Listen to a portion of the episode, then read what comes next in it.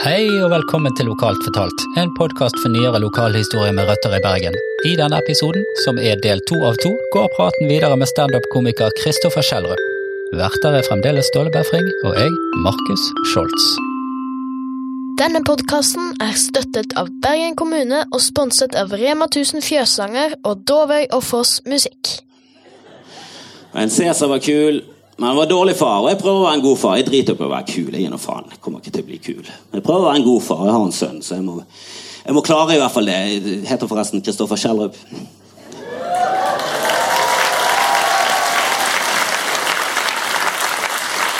Det er utrolig hyggelig at dere har tatt turen hit i kveld. og Jeg håper vi skal ha det gøy sammen. Jeg har, jeg har som sagt en sønn. Han heter ikke Kristoffer Kjellrup, for det har vært tåpelig.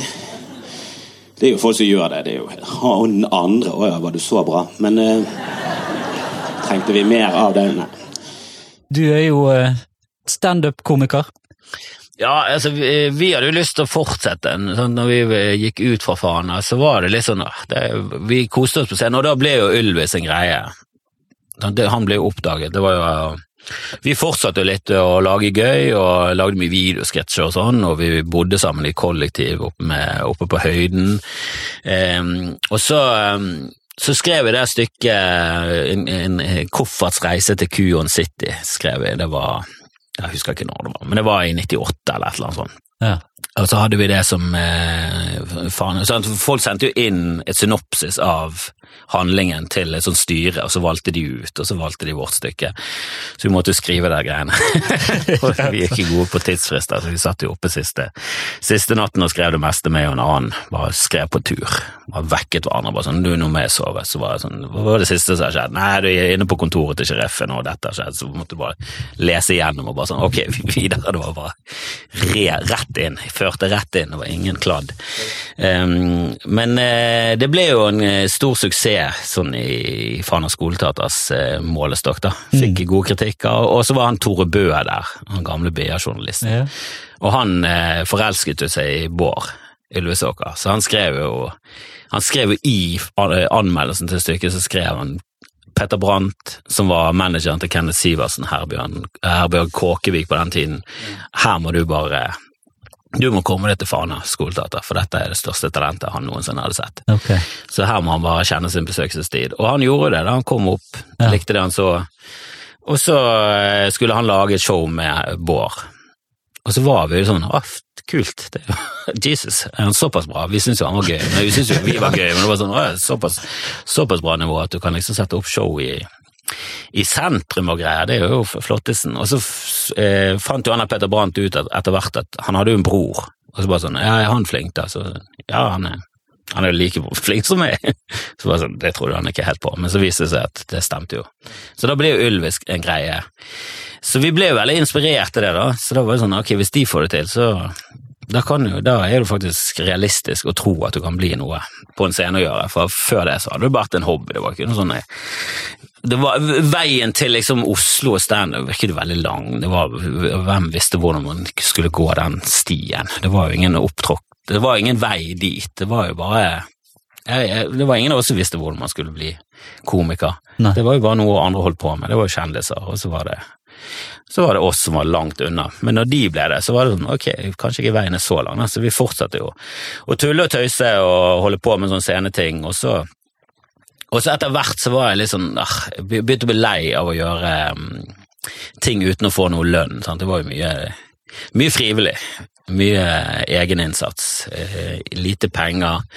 Uh, og så er Kalle han kommer ikke alltid tidsnok, så det ble liksom her, så lei. Og, så det ble ofte jeg som gjorde masse ting, og så eh, ja, måtte dra hele tiden. Jeg følte det var mye jeg måtte dra lasset. Eh, så, så, jeg tenkte sånn jeg må bare høre på min mor, jeg må ta min utdannelse. Så jeg søkte på masse NTNU og Stavanger og noe greier. og så begynte Kalle å sysle med tanken om å satse, da. Så vi var litt sånn Nei, han ene ville bli jurist, jeg ville utdanne meg. Så sånn, eh, At Kalle begynte med Øyvind og Anders Hoff. Sant? Øyvind kjente vi fra Fana.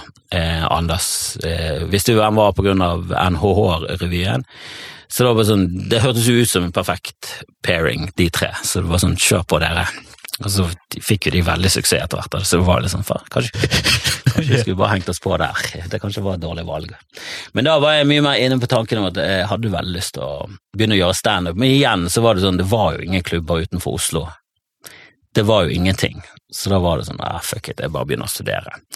Eh, og så hadde misforstått hele det der eh, hvordan du søkte, for det hadde også forandret seg fra jeg var, gikk ut fra gymnaset til jeg begynte å, til jeg begynte å studere. Så jeg trodde liksom at du kom inn på de stedene, så måtte du si nei Ja. etter hvert. For det var jo alltid i avisene sånn, nå må folk lære seg å si nei til studieplasser de har fått. For folk står på venteliste, det er ganske kaotisk. Så det hadde de gjort, de hadde tatt noen grep da. Så hvis du kom inn på noe, og det var førsteprioriteten din, så kom du bare inn der, og så bare røk alt det andre. Jeg trodde jeg skulle velge og vrake i hvor jeg kom inn, Ja. men det var bare sånn, nei, du kom inn i Stavanger, that's it. Og så nei, jeg ville gå opp i Trondheim, så bare ja, da burde du satt det på førsteplass. Ja, det, dette burde noen fortalt meg, dette må du sette deg inn i selv.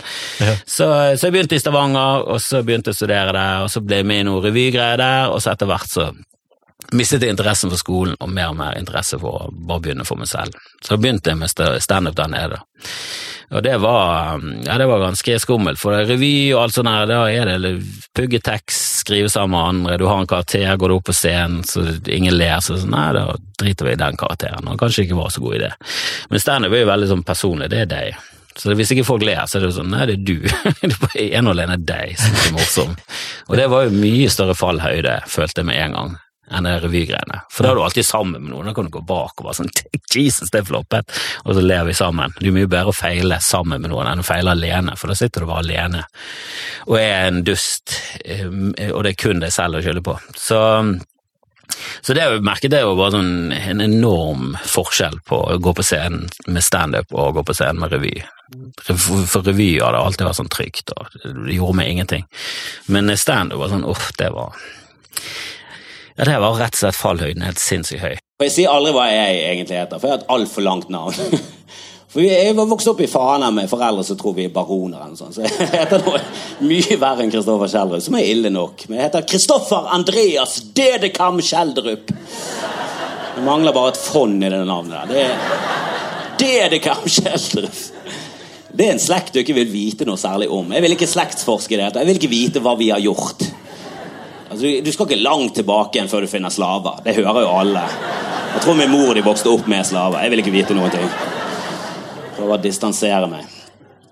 Og så begynte jeg å skrive Måtte bare begynne å skrive et show, for det var ingen klubber. og sånn. Så det første jeg gjorde, var jo liksom ha et show på en time.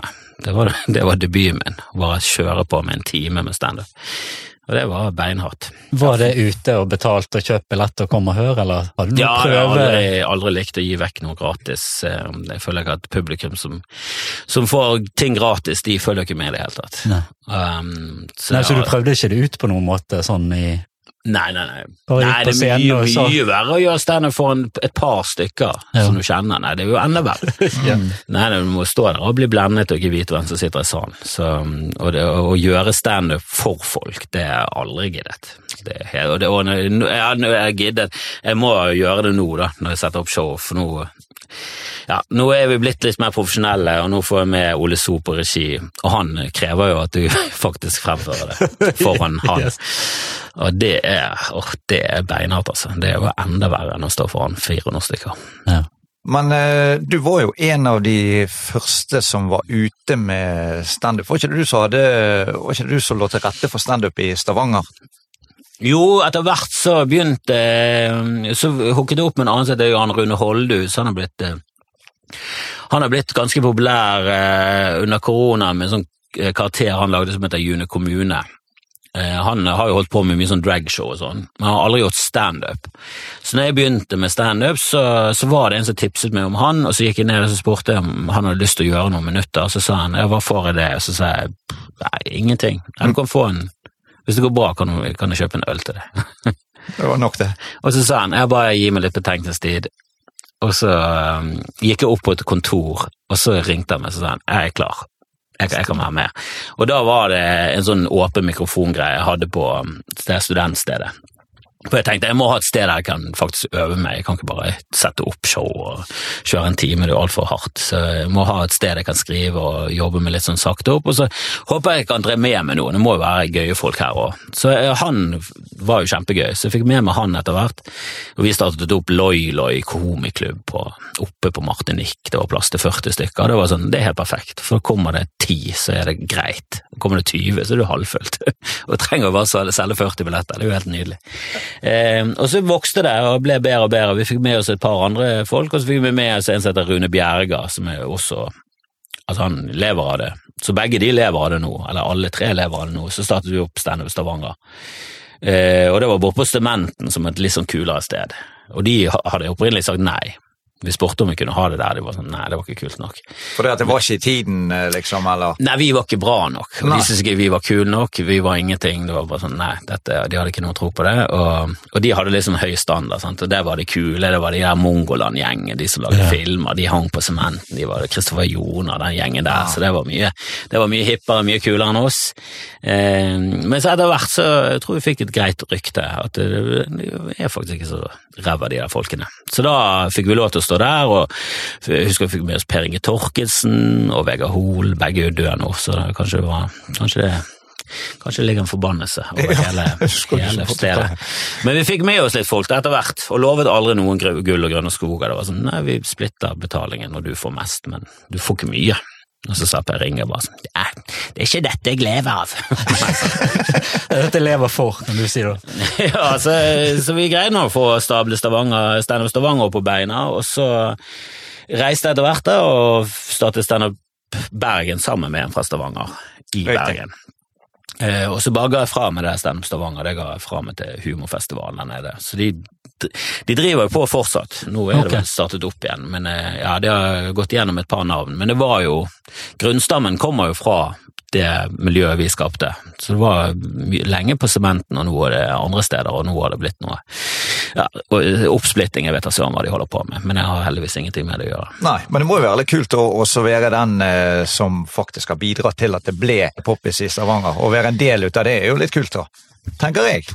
Ja, jeg tenker egentlig mer eh, kult i Bergen, altså, for der har jeg jo vært mye mer involvert over mye lengre tid, og vi har fått frem For jeg tenkte jo alltid at Stavanger Jeg ser ikke på Stavanger som en sånn ekstremt morsom by, sånn generelt sett. Altså, jeg tenker Bergen er jo en ekstremt morsom by. Vi er jo mye mer glad i å le, og vi er mye mer grenseløse, og vi har ingen sperrer på hva vi sier til hverandre.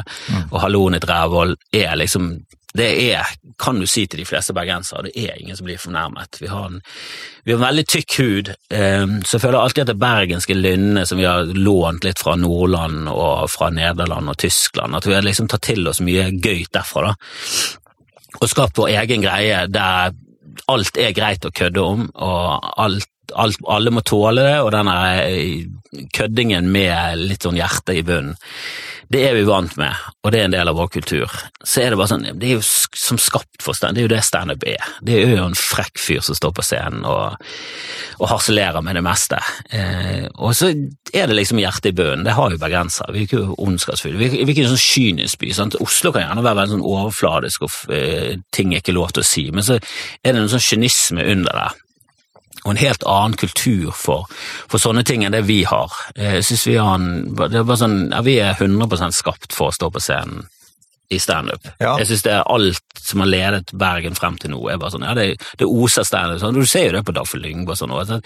det er den frekke kjappheten. Sant? Vi er kjappe i replikken, og vi verdsetter humor. Vi synes det er gøy eh, å le. Vi alt, og vi, når jeg hører andre nordmenn snakke om hvordan nordmenn er så, vi er så undertrykte, og når du er på bussen, sant? så, så hvis, hvis en dame som prøver å komme seg av og bussjåføren ikke får seg med seg, så er det ingen av oss som tør å si noe. Det, det er en komiker som har stått på scenen i Oslo og sagt dette, mens jeg har vært i salen og tenkt sånn det hadde aldri skjedd i Bergen. Nei. For da er det bare hei, hei, hei! Og så folk roper, og alle roper, og folk slår på, på, på liksom bak han der sjåføren. Faen, stå, du må jo stoppe, hun skal jo av. Sant? Det er bare sånn, ja, det, det der har ikke vi i vår by. Folk sier ifra. Ja, og det er jo en god greie, da. Eh, Kjempebra, sant? Det, og, og så drar vi det ikke for langt heller. Jeg føler at bergensere er sånn noenlunde innenfor. ja, absolutt. Det må jo være lov å gi beskjed, tenker jeg. Ja, det Hvis du ser at ingen eh, reagerer. Så, så når vi startet opp i Bergen, så var jeg veldig sånn Jeg hadde en veldig tro på at For jeg synes I Stavanger så slet jeg litt med å ha rekruttering. Jeg fikk noen som var flinke fra før. Sånn Rune Bjerga hadde drevet med revy fra før. Jan Rune hadde holdt på med, med dragshow. Sånn, per Inge var jo en, en av de største komikerne i Norge. Og alle de andre greide å liksom få med meg der. Det var jo egentlig veldig sånn etablerte folk. Mens i Bergen så fikk vi med oss folk fra, som aldri hadde stått på en scene før. Så vi fikk jo med oss Vidar Hodnekvam og Ole So og ja, Stian Blipp er jo litt forskjellig, for han har jo stått på scenen, og han tror jeg hadde klart seg uten oss. Jeg tror han hadde klart å bli det han er i dag, uten noe som helst hjelp. Han er veldig sånn selvhjulpen. Men mange av de andre ble jo noe på grunn av at de hadde en mulighet gjennom Steinar Bergen å faktisk stå på scenen, og vi dro de med, og vi pushet de frem. Og, og nå er det masse komikere borte i Oslo Erik Krokås satt nettopp på show, Sjur Koppen, alle de der er bergensere, som jeg tror hadde slitt med å bli noe på en scene uten oss. Jeg tror ikke de hadde Jeg tror rett og slett ikke de hadde gjort det, uten at vi hadde hatt kurs, at vi hadde hatt noen lav terskel for å komme på scenen, at vi hadde hele tiden bare pusha folk, og de vi ser noe i, er det sånn ok, du må bare satse på dette greiene her. Mm. Og noen har gjort det, og noen har blitt så flinke og, og så proffe at de faktisk har flyttet bort til Oslo, og nå lever de av det. Det er jo det som skjer med mange som blir kjent i Bergen. Nå er jo du eh, du er blitt stor. Du har jo fylt ut eh, massevis av show nå, og hatt eh, show både i Stavanger, og Oslo og ikke minst Bergen. Um, er det lettere å lykkes i Oslo? Er det derfor alle flytter over, eller hva er det som skjer der? Det er mer muligheter, og så er det flere veier til eh, å jobbe med det fast. Du, kan, eh, du kan få jobb for TV, du kan, du kan få kontrakt med Stand Up Norge, du kan gjøre masse firmajobber, du kan komme under vingen til Elina Kranz, de har et stort apparat. så så det er litt mer sånn at det er litt flere sånne stier frem til målet i Oslo. Mye større muligheter, og spesielt innen TV. Sant? Det er jo nesten ingenting som blir laget her på Vestlandet. Her må du, her må du kjøre på selv. Her må du, her må du skape din egen lykke. Mens, det, mens, der borte så er det litt mer muligheter, uh, og, og flere jobber å få. det.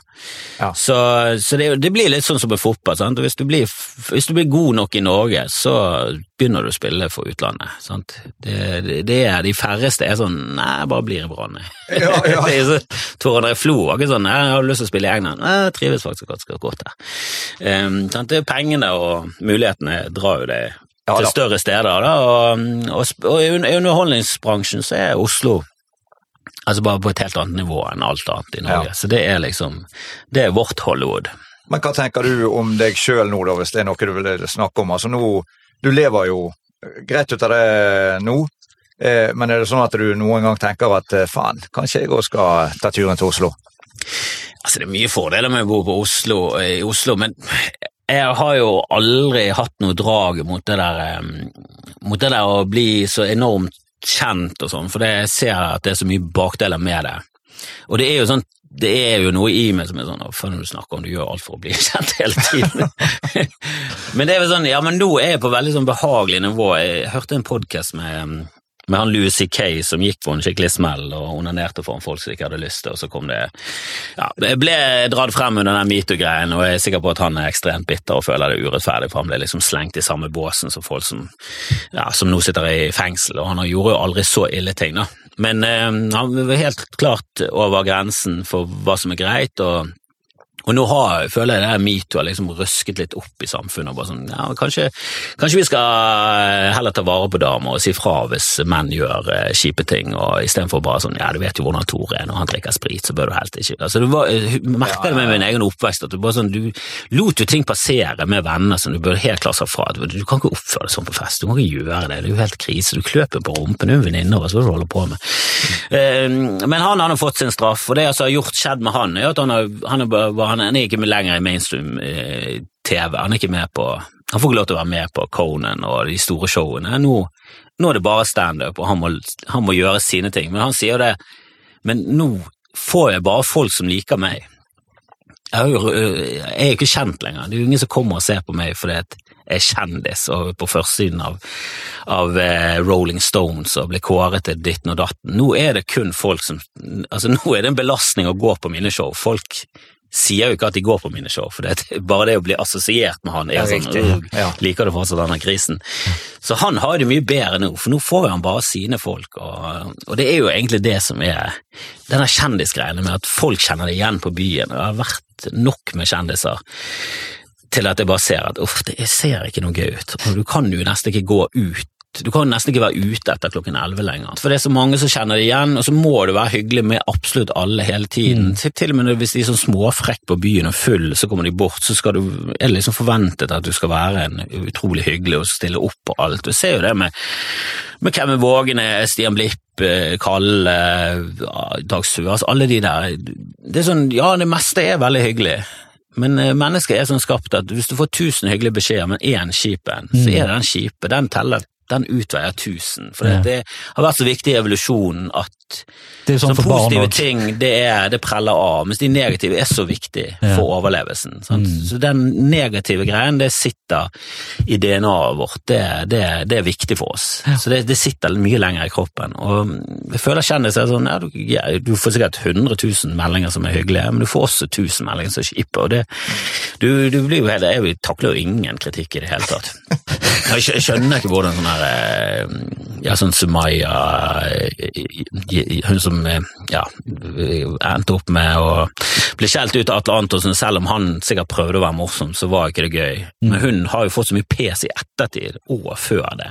Helt, jeg skjønner ikke hvordan Og Maria Stavang, alle de og Marte Leivestad, jeg skjønner ikke hvordan de takler å leve når så mye negativitet blir slengt mot det helt uten Altså, det, det, det, det er liksom ikke fortjent på noen som helst måte. Nei, det er ikke det, og de har jo ingen skyld i det heller. Nei, nei, og bare sånn, altså Maria som bare lager videoer, står på og skaper egen greie, får så mye drittkommentarer. Hun fikk så mye kommentarer på at hun var, hun var overvektig før, da. Hun var jo hun var ikke overvektig heller, men hun var mye rundere, og hun køddet mye med kroppen sin og la ut bilder, hun dobbelthaka hele tiden, så var det masse drit på at hun var tjukk.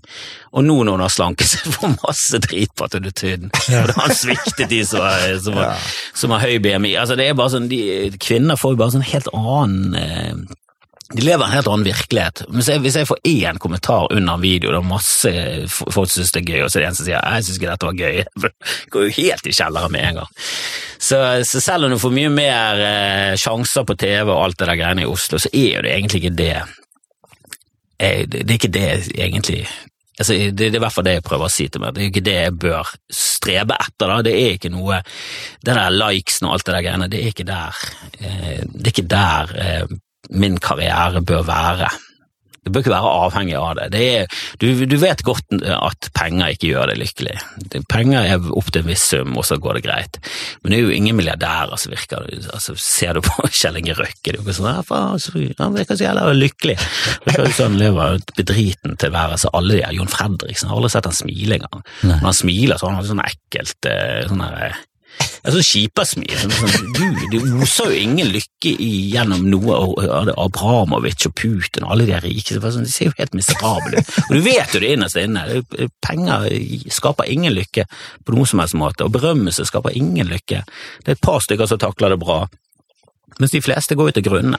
Ja. Får forferdelig og angst og sosial angst, orker ikke å være ute lenger. Ja. jeg skjønner ikke hvorfor jeg liksom sånn, for jeg har jo lyst til å være med på Nytt på Nytt, det ser jo gøy ut, men jeg vet jo med meg selv at det er jo like greit å ikke være med, og bare gjøre mine ting, og folk oppsøker meg, jeg blir liksom ikke eksponert for folk som ikke trenger å bli eksponert for meg, for humoren min er jo langt ifra for alle heller. Mm.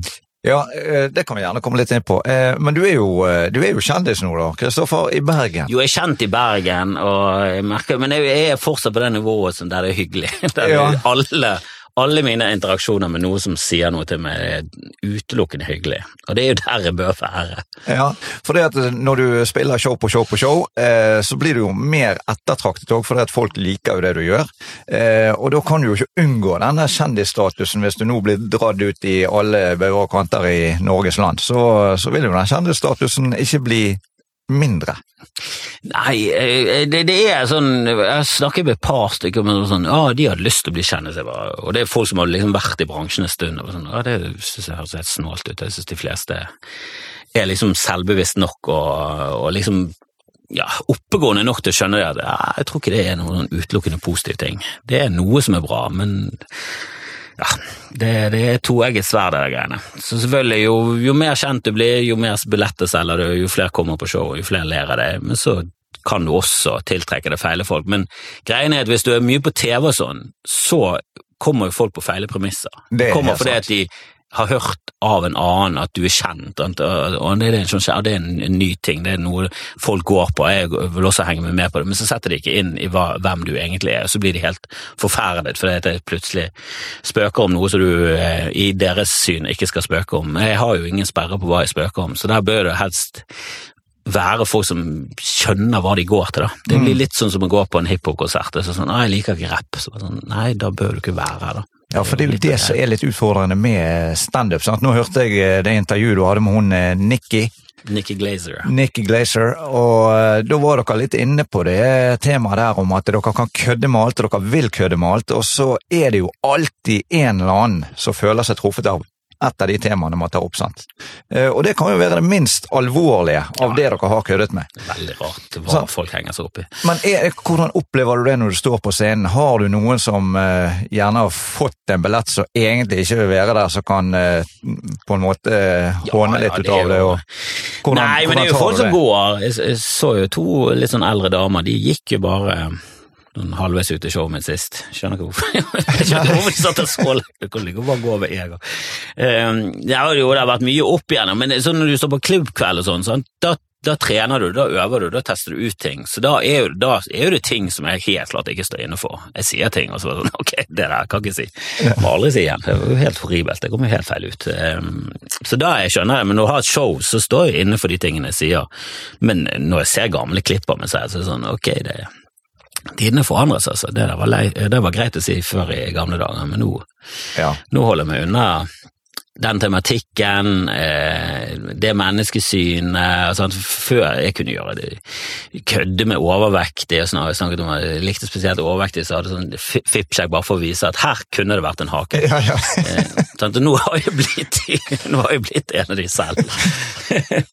Så jeg sårer jo meg selv med mine gamle vitser. Står en sånn tynn j- jypling fra Fana der og kødder med høy, høy BMI, og så sitter jeg her, eh, en gammel middelaldrende mann med høy BMI og blir fornærmet av meg selv. Eh, Nei, tidene forandrer seg, og jeg prøver å forandre meg med dem, og prøver å holde meg innenfor eh, grensen av hva som er greit å si. Men jeg liker jo å kødde med ting som er mørkt. Jeg liker å kødde med det meste. Jeg har ingen sperrer for hva jeg selv synes er gøy. Jeg har alltid ledd av alltid ledd av det meste. Jeg har vokst opp i en familie som ler av det meste, som roaster hverandre. Vi ler av alle. Eh, alle Ingen som tar seg selv høytidelig. Akkurat én i familien som er sånn ja, du må ikke si det til han da. Alle, alle har vært fritt vilt. ja, for det er ikke ment vondt. Nei, men det er jo litt sånn Det er en det er en frekkhet. da, Bergensere er sånn, vi er frekke mot hverandre. Eh, og vi stikker litt, vi kan stikke litt i såre ting, men så Du vil jo bare le, sant, og du, du tåler det selv. Sant, og du gir og du tar. Eh, og er du med på leken, så må du tåle steken. Det har vært, eh, det har vært siden jeg var liten. Nå er jo ikke det lenger. Nå må jo folk få lov til å være med på leken, men så skal ikke de tåle steken. De har ikke lyst til å tåle steken i det hele tatt. Alle hunder kommer fra ulv. Er det noen som visste det? Er det noen av dere som visste det? Jo, hvorfor har ikke dere sagt fra? Aldri visst det. Og det gir ingen mening at alle Noen hunder ja, men ikke alle. Schæfer kan jeg skjønne. Jeg kan skjønne at schæfer får sånn tipp-tipp-tipp-tipp-tippolefar var en ulv. Men, men en mops, er det en ulv? Seriøst, er en mops en ulv? Hvor mye astma skal en ulv ha for å bli en mopsa? Hvor mange spark i snakker vi om her i generasjoner? Ulven er jo skogens konge. Kast en mops ut i skogen og se hvor lenge han varer uten inhalator. Det er to timer eller noe sånt. Det er helt udugelige vesen. De er veldig gøye, men de er udugelige. De er jo kun ulv, er de det? Og chihuahua er det bare ulv. Er det ingen rotte? Ingen seriøs 20? 14? 12? 9 av Går rundt med en ulv i vesken nå, det er jo helt galskap. Så i eh, notatene mine her at eh, du fikk stå opp-prisen i 2013. Og det er jo eh, ti år siden, det. Så, Ja. du, så du har holdt på lenge. Uh... Ja, jeg hadde holdt på nesten ti år når jeg fikk den. Og da hadde jeg blitt nominert et par år. Det, det er jo på grunn av den, den går jo ikke bare til den, den som er best, den går til den som gjør mye for miljøet. Jeg føler det er derfor jeg fikk den, fordi jeg drev Standup Bergen og var vi hadde en påvirkningskraft ute Ja. i Norge. så vi, vi var liksom i starten av denne bølgen som nå er at eh, det, Nå er det masse standup-klubber overalt. Eh, Når jeg, vi startet, så var jo Standup Trondheim nede for telling. De hadde startet litt før oss. Pernille Sørensen og Dag Sørås og de hadde jo startet der oppe, okay. men den var jo ikke aktiv. Eh, Standup Stavanger startet vi, så Standup Bergen, og så har det ballet på seg. Nå har jo de fleste byer og småsteder standup-scener da, som blir Mm. drevet av ildsjeler rundt omkring. og og det føler jeg at vi har vært med å påvirke, at vi har dratt lasset der og fått med oss og, og, og vist at det, det går jo an å bare skape sitt eget miljø. Og det har hele tiden vært i vår filosofi da, at vi, må, vi skal ikke bare belage oss på at Oslo-folk skal komme over til oss. Vi må skape et eget miljø, så kan vi få over en bra en fra Oslo, eller en fra Stavanger eller fra Trondheim, men en headliner, og så skal vi greie å skrape sammen folk selv til å fylle opp de andre plassene. For vi må jo også vokse som miljø, vi må jo også ha en scene å stå på. Så det føler jeg at vi har klart. Og, Ja, er du litt rundt og gir litt, eh, litt Nei, start, inspirerer nå, litt, og- nå har jeg trukket meg ut av driften, nå okay. fokuserer jeg kun på meg selv. Nå. Me, myself and I? Sånn blir det når man bikker 40. Det er herlig, da. Ja, men det var sånn, jeg gjort, jeg føler jeg har gjort nok. Nå får jeg ganske mye PS i Bergen, for det er hver gang jeg kommer innom, så stikker jeg bare innom, så står jeg på scenen, så går jeg igjen. Det var sånn, men jeg har familie, jeg har, jeg Og du får PS, for du blir liksom ikke med på den der Nei, eh, jeg er ikke med på det sosiale. greien lenger. Ja. Men jeg har jo vært nok med på det sosiale. Altså, i, i, i, mitt Altså, I min samvittighet er det sånn, jeg har hengt opp plakater mer enn de fleste. Ja. Eh, og det er altså eh, desidert den som har hengt opp mest plakater. Eh, desidert den som har stått eh, Som har vært der mest. Så, eh, så nå, er, nå er Jeg har gjort mitt. Jeg har hundrevis av, eh, av timer, både frivillig og noen har jeg jo fått lønn for òg. Men jeg har vært med å starte det og sånn, og ja, er, dere var ikke med når vi var aktive på det sosiale. Mm. Nå kan ikke jeg gå ut og drikke på en onsdag lenger. Det var jo før så det var det, Vi fikk jo pengene fra, fra døren, og det fikk vi kontant. De. Fikk de på vei ut, ja. Ja, ja, det var jo, vi gjorde opp kassen, og så tok vi inn det vi skulle til klubben, og så ble jo resten delt ut til komikerne, og det var cash. Du fikk plutselig 1800 i hånden for det du hadde gjort det 15 minutter, og så var det rett på en pub, og så var det å spandere på de som hadde vært der. Sånn, altså, folk kom jo på showet de betalte i døren, de gikk jo overskudd på slutten, fordi vi spanderte, vi var jo så takknemlige for at folk kom og så på oss. Så jeg har festet nok og alt det der greiene, nå må nye, nye, nye tryner ta seg av den biten. Jeg er ikke, jeg er ikke så veldig sosial lenger, utenom å være med familien min, men jeg ser jo det nå at jo da, men når du turnerer rundt, sånn Dagfinn Lyngberg, han har jo ikke han har masse ting, han. Det er ikke rart at han ikke orker å henge så mye. Han, var, han har vært eh, jækla hyggelig med oss eh, opp igjennom, og hver gang han har hatt show i byen, så han, han har ofte stukket innom når vi var på Riks, og da har han dukket opp på scenen og gjort ti minutter. da. Sånne ting er jo liksom eh, Jeg ser jo det at når du, når du har blitt et stort navn, så er det selvfølgelig det er jo kult at du, du er der litt og er med og sånn. Jeg prøver litt, men jeg merker det at jeg nå konsentrerer meg mye om mine ting. Jeg har nok, nok å gjøre. Og, og de få timene jeg har til sosiale ting, de bruker jeg på min sønn og samboer. Som oftest. For jeg får dekket det der behovet for festing. Så hver gang jeg er i Oslo, så har jeg som oftest ikke med meg familie. Og da får jeg et par dager der jeg går ut på byen, der jeg henger med folk, der jeg er på kafé og lever sånn som vi gjorde i gamle dager. Og det, det, får, litt fyller opp begeret. Får du tilfredsstilt uh, Ja, altså, bitene? Jeg gjør jo aldri noe sosialt lenger utenom at det er i forbindelse med noe standup. Det- Jeg får så Jeg får så fylt opp det der sosiale greiene at, at det var sånn Jeg trenger ikke mer enn det. Det Trenger mer tid for deg sjøl, egentlig. Da, ja, og så borte i Oslo, der bor jo de jeg kjenner. Var de fleste komikerne, utenom Jan Tore Kristoffersen, han er, han er en av de som er igjen i Bergen, men de fleste andre har jo flyttet bort der. De jeg har kommet opp med, har jo flyttet bort der. Så det er Jan Tore Kristoffersen og Pål Rønne. de er liksom fra gamle dager.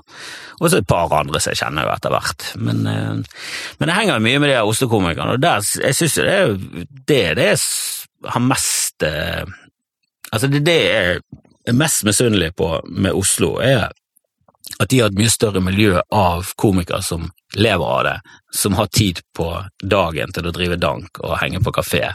For det elsker jeg, å sitte på kafé og ta en quiz og drikke kaffe og preike piss. Komikere er jo helt nydelig å være med, for de har jo ingen sperrer for hva de kan si. Så der får du aldri noe sånn uh, det kan- det, Man kan ikke si sånne ting. Vi det, der er liksom, det, er, det er så å si ingen komikere som blir fornærmet av noe, så du kan jo si de mest horrible tingene som finnes i hele verden, og allikevel så er folk sånn ja, det er faen sant, det var et poeng der. Sant? Det merket jeg med Nicky Glazer, så plutselig var vi innom snakket om de grusomste temaene, men det, vi snakker på en helt sånn normal måte om de verste temaene, og så, analyserer vi det og snakker litt rundt det, og jeg blir enige om at ja, det er forferdelig, med det forferdelig. vet du hva jeg vet du hva som egentlig var litt morsomt med Auschwitz? Altså var sånne ting som vanlige folk er sånn, du kan ikke si noen ting om sånn, ja, men det er jo litt sånn, det er jo litt morsomt at de har en giftshop der nå, at de har en suvenirbutikk i Auschwitz nå. Det, det tror ikke de som var i Auschwitz tenkte at dette kommer til å skje i fremtiden. Det kommer sikkert til å sende små selge små sånne eh, kjøleskapsmaneter. Det, Ja, nei, det, det er jo helt det er masse absurde psyko-ting som er for så de, de mørkeste temaene, men jeg syns det er morsomt. Og så skal du ta det til scenen, så må du få det til å bli morsomt for andre. Og der er ikke det alltid du får det til, så av og til så må du bare skrinlegge det. bare sånn, ok, Kanskje dette var bare morsomt oppi mitt rare hode, men jeg, jeg, jeg tror det er no, noe der. Det ser ut som det har gått bra, det du har eh, plukket frem og tatt med deg på opp på scenen. da. Publikumsprisen i 2023 fra Bergens Tidende, blant annet. Skal Ja, ikke trekke eh, frem alle prisene sånn hele tiden, men det var noe, jeg har nå lest meg litt, og det er jo ganske nylig, sant? så det betyr jo at det, det du gjør, eh, det skjer jo noe riktig. Ja da, jeg føler at vi har gjort det, og det var hele tiden, for jeg levde jo eh, fra hånd til munn i starten her, så jeg satset jo på dette, så jeg hadde ingen ekstra jobb. Jeg brukte alt på, på å drive Stand Bergen og holde på å gjøre standup, men jeg tjente jo ingenting. Jeg husker jeg leste om var lærere og sånn og tjente, og de streiket og sånn, og sånn, det lever jo sus og dus for Ja. luksuslønn deres. Eh, for da hadde jeg sånn halvparten av en lærerlønn, kanskje under der. Jeg levde jo under fattigdomsgrensen en, eh, et par år der. Ja. Men eh, jeg tenkte at det, gikk- nå fremover, det var nå litt mer neste år. Det var, det, det gikk, var alltid en sånn jevn økning, så, så den er heldigvis fortsatt. Og nå eh, tjener jeg bra, og nå koser jeg meg. Nå tjener jeg mye mer enn en lærer. Det har nå gjort. Hører dere lærere? Standup, Stand up, yeah! Drit i det der, drit i det der yrket med utdannelse. Sats på standup. Ja, Det var en ting i barndommen eh, som min mor alltid gjorde, som jeg syntes var veldig rart. Og det var, Når vi var ute på gaten og jeg hadde en flekk på kinnet, så brukte hun spytt som såpe. Og så, og så var det liksom sånn her, Det er akkurat som såpe. Og det har jeg googlet, og det er faen ikke det samme det hele tatt. Det er ikke de samme egenskapene. Spytt er bare spytt, det. Min mor gikk rundt og spyttet på meg da jeg var liten, og det syns jeg er, er snilt å gjøre med en som er ni. Du har noen podkaster du òg, ser jeg. Jeg har en podkast, Skamfest. Det var den første komikeren i Norge som startet med, Det er podcast back in the days. Men, Ja, og så eh, står det òg at uh, Correct me if I'm wrong in Norwegian. At du var verdens første til å vise standup på, på kino Nei, i, i Bergen. i Bergen. Nei, ikke verdens første. Nei, Her står det det- 'verdens første'. Nei. Jeg er ver- er verdens Greit, første som har gått på kino i Norge. Ok. Så det, de har jo ikke vist noe De har jo aldri vist de, Eddie Murphy de gikk jo ikke på kino. Nei, det, sant, det kunne de ikke ha satt opp vi, eh, på 80-tallet. Det hadde vært fulle hus. Ja. Skjønner ikke hvorfor de ikke har vist mer. Eh, De kunne jo vist masse mer, men eh, nei, det første, det var jo egentlig oppe inn i Bergen, men så ble det Det var jo pandemi, så de trengte innhold. Okay. Og mange filmer som ble holdt igjen Ja. og ventet på bedre tider. Jeg bare tenkte at dette er en kjempemulighet. så vi var de første som eh, ja, fikk opp en eh, Vi fikk ikke solgt det til noen, og ingen som ville ha det, men så greide vi å få det på kino. Så det var bare gøy. Det var jo bare sånn ja, dette må vi bare gjøre, drit i, drit i det økonomiske. Det er jo og så er det de som eh, fikk det opp på kino, de glemte jo å søke om eh, koronastøtte, så det Uff da. Akkurat, ja. det ble jo faktisk ikke noen penger ut av det. Det var ikke sånn at vi totalt dret i det. Hadde det kommet noen penger, så hadde vi tatt de, men eh, Men apropos kino og visning, leste jeg noe om at du har et show, at showet ditt nå skal ut på noe strømme, eller på Men nå har vi filmet det Netflix? på Ole Bull, filmet vi det med eh, Jonis Josef Ja. og hans eh, hans gjeng, um, Juicy Productions, han har jo lyst til å Han er jo også en sånn her fyr som er ildsjel som drar i gang ting. Så, Ja. så han har lyst til å produsere eh, mer standup specials og mm, ta det opp på et uh, høyere nivå. Så han er sånn Jeg trenger ikke å få noe særlig penger for det. La oss bare, Hvis vi får solgt det, kan vi få litt penger, men la oss bare gjøre dette så billig og bra som mulig. Så kult. Så han tok med seg crew over fra Oslo, hadde vi noen lokale folk, og så ja, lyssatte de det, og ja, flinke folk, da. Han Ja. som skal drive med sånn fargekorrigering, er han som gjorde det på verdens verste menneske. Så, okay. så Oscar-nominerte Ja, folk. Så det er liksom, det er flinke folk, da. Hva sier du, Befring? Nei, da Beffen. går det vel an å snurpe sammen. Eh, hadde jo tenkt å komme litt inn på denne roast og, og podkastene dine, eh, som jeg eh, personlig syns er jækla vittig. Eh, og det er jo ikke grenser for hva du kan eh, spøke med, og du er jo eh, frittalende så det holder. og det, så, det var du jo litt inn på her i sted òg, men, men igjen, da. Eh, noen føler seg krenket av det, og noen føler Du får jo aldri alle til å like alt. Eh, og sånn opplever jeg det litt med, med de podkastene dine, og spesielt den Skamfrelst, da. Ja, det bør ikke være målet heller. Liksom. Eller det, det, det er jo sånn Der er det fordel med å ha en podkast som ikke har noe tilknytning til noe særlig. Hvis du, sånn, du ser på Sofie Elise, du kjøpte opp på NRK, så må hun plutselig så må hun tilpasse seg et system, og hvis du går liksom over grensen der, så ryker du rett ut. Så når du står selv, da er det bare deg selv å takke. Og du står der naken og alene, Mm. men så får du lov til å bare være 100 deg selv. Men med en gang du begynner å lage noe for andre, så må du begynne å tilpasse deg, og da begynner du å ja, Det kan gå begge veier. Noen ganger blir du bedre, andre ganger så blir det litt sånn Det blir en sånn utvannet versjon av humor. ja, det er ikke utvannet versjon av humor som har appellert til meg. Jeg liker Monty Python og ja, Ricky Gervais, folk som bare gønner på, er 100 vel i seg selv, og så får det bære eller briste. Men det er jo liksom det jeg vokste opp med. og ja, eh, Det er litt for lite humor, syns jeg, for tiden. Det er lenge siden det kom en bra komedie.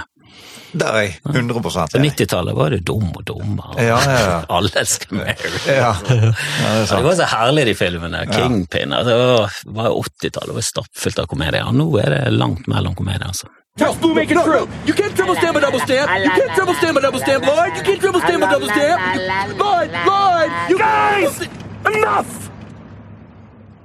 Du er sikkert uh, godt vant, men uh, siden vi uh, gjør dette helt uh, på uten noe, så kan jo Ståle Her er nå i alle fall da, som en takk, Kristoffer Kjeldrup, en liten overrekkelse fra Rema 1000 på Fjøsanger som sponser denne hatt. Ja, ja, ja. Litt påskesnop og drikke. Det er jo gull. Din din sønn kan også drikke den der, tror jeg. Ja, den er alkoholfri. Nå vet jeg ikke hvor gammel han er, men jeg antar han eh, Ja, han drikker alkohol, han er syv. Ja, ja. ja, ja da er det godt, godt innafor. Herregud, han skal jo kunne sin vin når han blir konfirmert. Ja, det er sant. Du, tusen takk eh, Selv takk, det For, var veldig eh, hyggelig. besøket. Ja, Ja, så bra. veldig koselig. Så, Supert. Kan, kan jeg bare spørre, har, hva blir neste, skal du ut på veien med showet noe, Ja, nå finner vi hva er planen videre, bare for å høre om det? Nei, vi prøver å finne et par nye datoer med, med Hva det dumt er eh, rundt omkring i Norge. Så jobber ender med saken, og så klipper vi denne specialen, så den håper vi er ferdig til høsten. Hvor skal den komme? Nei, det vet vi ikke ennå. Okay. Den skal vi klippe, og så prøve å selge den inn til okay. hvem som vil ha den. Ja. Eh, Så håper jeg at vi med drahjelpen fra Jonis og hans eh, nettverk og ja, og hans blikk på hvordan ting skal se ut og klipping og alt det, at det blir bra nok til at folk faktisk har lyst til å kjøpe det. Og så eh, skal jeg begynne å jobbe med nytt show sammen med Jan Tore, som også jobber med sitt show. Så vi skal, vi skal teste stoff, som vi har begynt å kalle det. Så det første skjer i Fyllingsdalen teater, så vi skal teste stoff i Fyllingen. Herlig. I Fyllingsdalen Ja. eh, i, i juni, så det dukker nok opp et par eh, show med meg og Jan Tore etter hvert. Og så, så blir det å stå på de andre etablerte scenene rundt omkring. Og bare jobbe opp eh, en ny ja, time, halvannen, og får vi finne en tittel på det, og så, så, så får vi et nytt show opp på scenen om et år eller to også. Så det er en ny, ny runde. Herlig. Må begynne å glede seg, da. Jeg gleder meg i hvert fall. Så bra. Takk skal du ha. Jeg, tror- jeg, tror verden, jeg tror verden seriøst går mot det bedre. Og, og hvis det gjør at jeg får mindre ting å hate og, og må slutte som komiker, så må jeg være ærlig at eh, det er det verdt. Dette har vært mitt show. Tusen takk for meg. Vinni, Vinni, Vici! Og med det sier vi takk for den hyggelige praten, Kristoffer Andreas Dedegam Skjeldrup, og vi ønsker deg alt godt videre på humorreisen. Og så ville Kristoffer at vi skulle informere om at lydklippene du har hørt gjennom episoden her, de er hentet fra videoer som ligger tilgjengelig på YouTube, og åpent for alle, selvfølgelig. Og lenke til kanalen som han har sjøl der, den kan du finne i episodeteksten. Takk for praten, Kristoffer, og takk for lytten, kjære lytter. Lev og le vel og mye, og ta vare på både deg sjøl og din neste. Vi høres!